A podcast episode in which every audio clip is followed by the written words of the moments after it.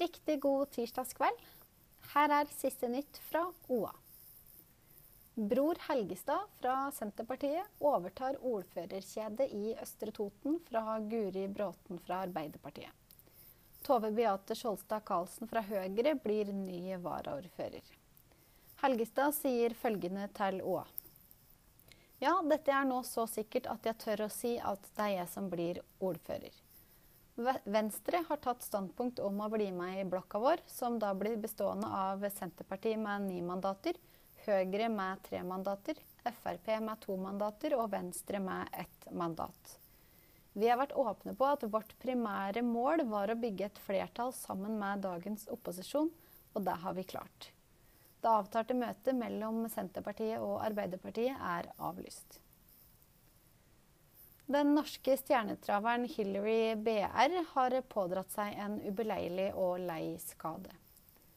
Superhoppa med 3,8 millioner kroner på konto står foran en lang løpspause. Hvor lang tid det går før Hillary igjen blir å se i løpsbana, det er høyst usikkert. Krutt på CC Gjøvik er stengt pga. følgeskader etter en vannlekkasje i juli.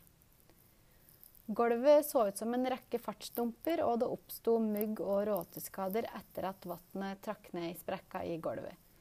Det er virkelig trasig, sier medeier og butikkleder Daniel Hilsen. Kaffebaren blir trolig stengt i to til tre uker. Onsdag møttes, eh, onsdag møtes valgstyret i Gjøvik kommune for å ta stilling til spørsmål med potensielt store konsekvenser.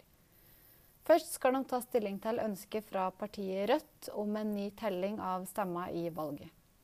Dette med utgangspunkt i at det ifølge beregninger kun er én stemme som mangler for at de får et tredje tredjemandat, som da i tilfelle Arbeiderpartiet mister.